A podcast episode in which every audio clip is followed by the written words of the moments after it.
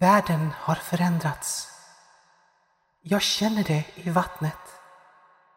Jag känner det i jorden. Jag känner det i tärningspåsen. Jag menar, förr behövde vi vad? En av varje sorts tärning? Fast vi använder nästan bara T20 ändå. Uh, och nu, vad är det som händer? Hela min städskrubb är full av T6or och jag verkar ändå aldrig ha tillräckligt. Vänta, var var jag nu? Just det. Jag känner det i luften. Mycket har gått förlorat, för ingen lever som kommer ihåg. Och lika bra är väl det, för ska jag vara ärlig så har i princip allting blivit bättre. Du lyssnar på myogaming.ses podcast. Jag heter Katarina Sundgren och jag läser nu min recension av The One Ring, rollspelet, utgivet av Fria Ligan den 22 mars 2022. När jag började spela rollspel på 90-talet var det Drakar och Demoner som gällde för min grupp, men ändå stod Tolkien som inspiration för nästan alla våra äventyr. Det kanske inte är så konstigt med tanke på hur stor inverkan hans verk har på fantasygenren i stort. Men om jag ska vara helt ärlig så ser jag det inte som plagiat oavsett hur lika dvärgar, alver och orcherna är i de olika spelvärldarna. Det behöver inte vara i de tekniska detaljerna spelets identitet sitter. En del sagor handlar om häftiga krigare som inte räds ett enda monster, andra om nedslagna stackare som kämpar mot en fientlig värld som bara vill trycka ner dem ännu mer. Och jag har börjat inse att när vi skapar nya spel är det en god idé att ha i åtanke vilken sorts känsla spelupplevelsen vill uppmuntra.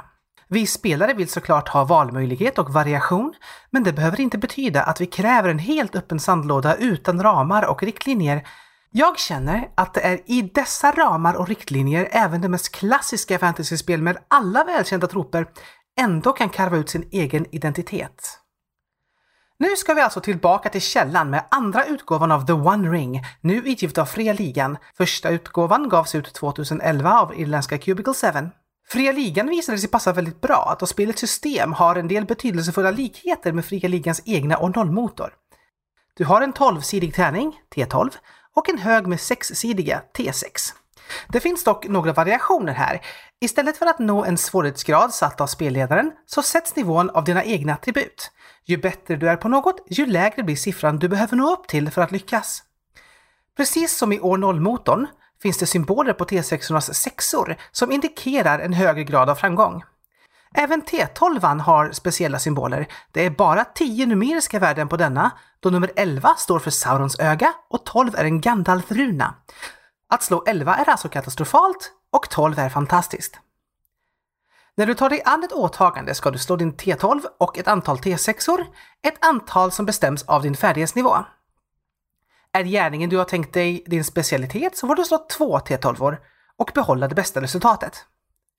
Det kan låta krångligt till en början, men om du är van vid Fria Ligans andra spel så kommer det inte ta lång tid för dig att lära dig.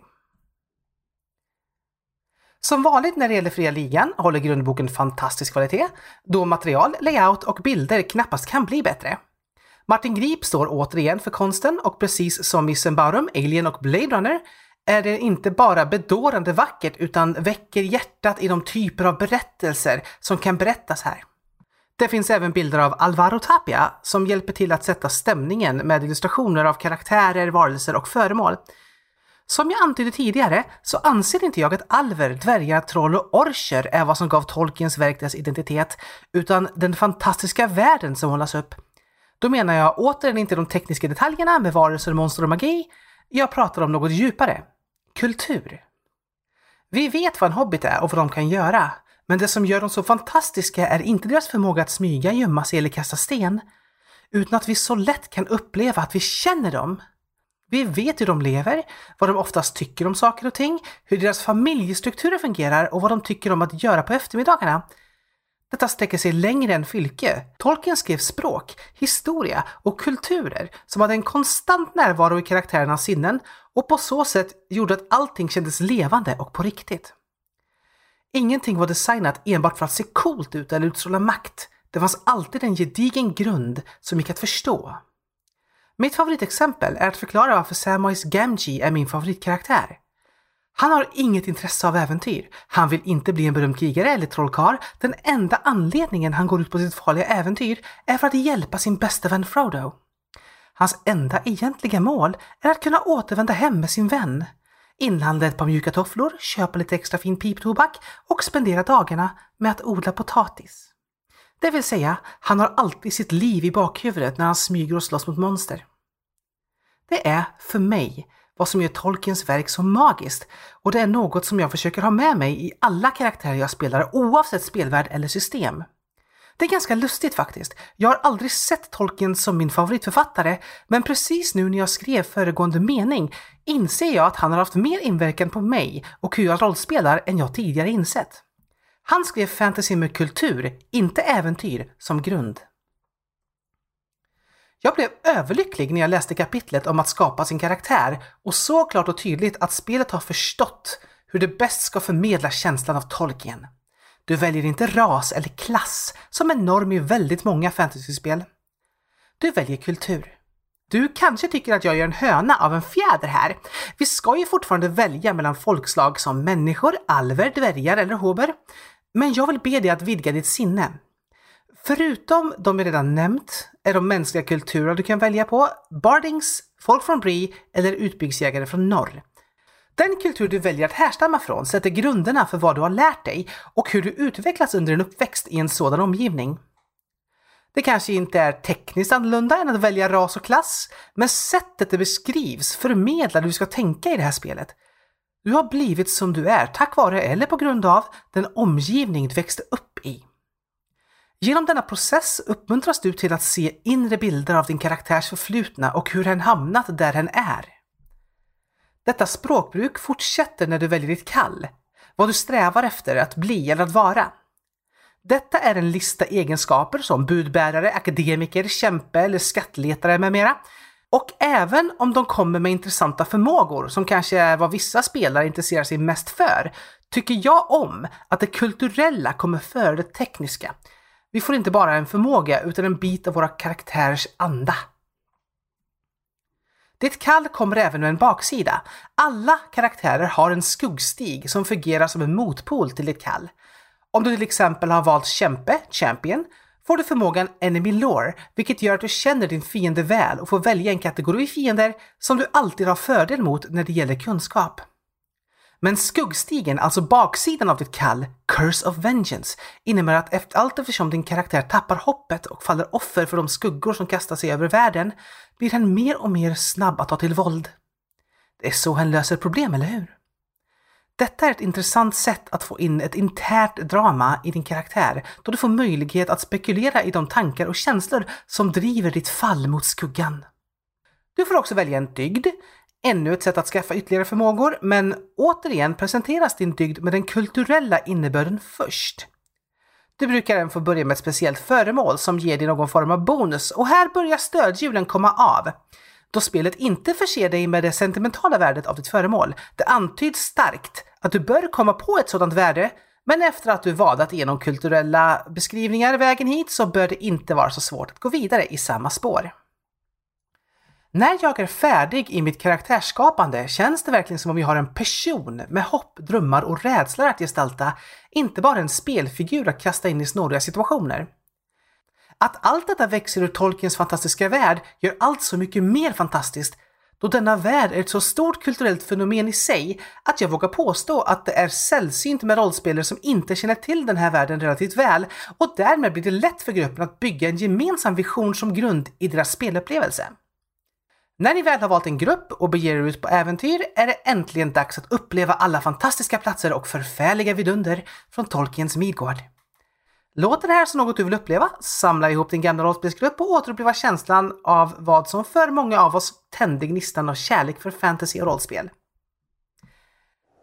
A day may come when the scheduling of peeps fails, when we do other stuff and forsake the bonds of planned sessions.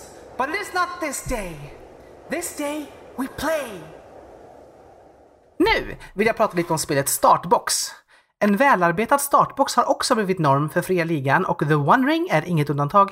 Den här gången får du med ett häfte med fem korta introduktionsäventyr, ett häfte med regler som behövs för att spelleda introduktionsäventyren, åtta förskapta karaktärer spelarna kan välja mellan, ett häfte som beskriver Fylke, The Shire, två stora kartor av Fylke och Eriador, 30 kort med vapen och rustningar, Sex kort som hjälper spelare att hålla koll på sina roller i gruppen och stridshållning. Och ett officiellt tävlingssätt med två tolvsidiga och sex sexsidiga tärningar. Esmeralda tog, vred och vände på sig. Det var helt omöjligt att sova.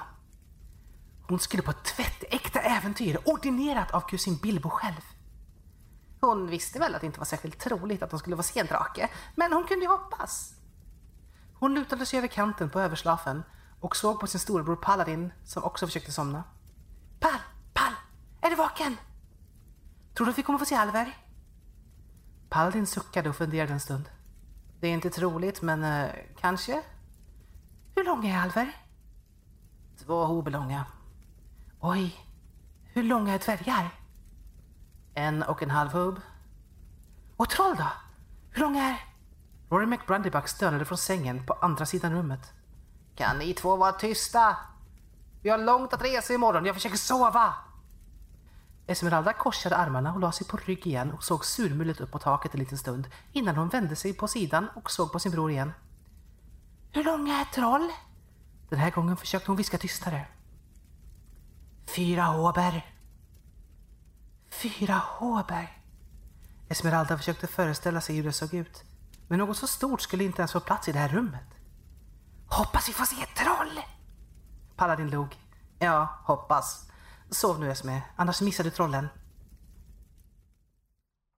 Det var en scen ur min första erfarenhet med The One Ring. När jag testade ett introduktionsäventyr spelade jag Esmeralda Tuck, en 24-årig hob som i mänskliga mått skulle räknas som 13-14 år gammal. Min bror Paladin spelades av Nicole, en kommande stjärna här på My Gaming och spelledaren var vår egen eminenta Kristina Wahlström. Jag blev överraskad över hur gulliga introduktionsäventyren är och även om det för mig personligen var en glad överraskning, jag älskade varje sekund, kan jag inte låta bli att fundera på de stackarna som faktiskt suktade efter att få vara Aragorn och slåss mot orcher. Istället får vi se små söta hobbitäventyr med låg och relativt alldaglig insats. En i gruppen var otroligt skeptisk till detta upplägg, men även han erkänner till slut att äventyret var en mysig upplevelse. Jag kan förstå om någon skulle kritisera startboxen för att inte förbereda spelare på hemska strider eller kamp med sin skuggstig. Introduktionskaraktärerna har varken ett kall eller en skuggstig. Men samtidigt älskar jag vad de har gjort här. Vi får uppleva vad hjärtat är i den tänkta spelupplevelsen. Kulturen. Om du testar denna introduktion och gillar kulturen kan du lätt gå vidare och skapa egna karaktärer och ge dig ut på ett mycket farligare äventyr. Men då med förståelse för spelets grundpelare. Om du inte gillade att spela på kultur alls, då är The Wandering helt enkelt inte ett spel för dig. Men jag älskade varje sekund av det. Förutom en smak av fylkeskultur gav introduktionsäventyret mig en bra blick av spelsystemets grunder, även om det inte fördjupade sig särskilt djupt i strider och skuggstigar. Kvaliteten på allt material i startboxen visar varför Fria Ligan har satt guldstandarden för sådana här produkter. Kartorna och korten är helt underbara och de förskapta karaktärerna har fantastiska skisser som bara sprudlar med personlighet. Det fanns en tid då startboxar bara var till för nybörjare, men den tiden är förbi. Det finns mycket att hämta här, även för den som vill dyka in på den djupa ändan. Tänker du köpa grundreglerna och startboxen tillsammans finns det ett paketpris på Fria Ligans webbshop där du får båda produkterna plus spelade skärm och häftet Rivendell, Vattnadal, till ett rabatterat pris. I skrivande stund sparar du 325 kronor jämfört med att köpa alla produkterna separat. Jag rekommenderar The One Ring till alla som gillar rollspel, vare sig du gillar Tolkien eller inte. Ett spel med så mycket hjärta och själ får du bara inte missa. I alla fall inte om du uppskattar att uppleva kultur i ditt rollspelande. Jag skulle också vilja påstå att detta är en utmärkt inkörsport för folk som älskar Tolkien men aldrig rollspelat förut. Om den beskrivningen passar in på dig måste ju detta vara en ren dröm. Att få träda in i den värld du drömmer om. Som en invånare i Midgård bland alla dess folk och vidunder, hopp och drömmar och mörka öden. Välkommen till rollspelshobbyn, men var försiktig. Glöm inte Bilbos goda råd. Det är ett riskfyllt beslut, Frodo, att spela rollspel. Du tar fram dina favorittärningar och om du inte träffar din dice tray kan tärningarna hamna precis vart som helst. Du har lyssnat på myogaming.ses podcast. Jag heter Katarina Sundgren och det här var min recension av The One Ring av Fria Ligan. Tack för att du lyssnade. Ha en bra dag!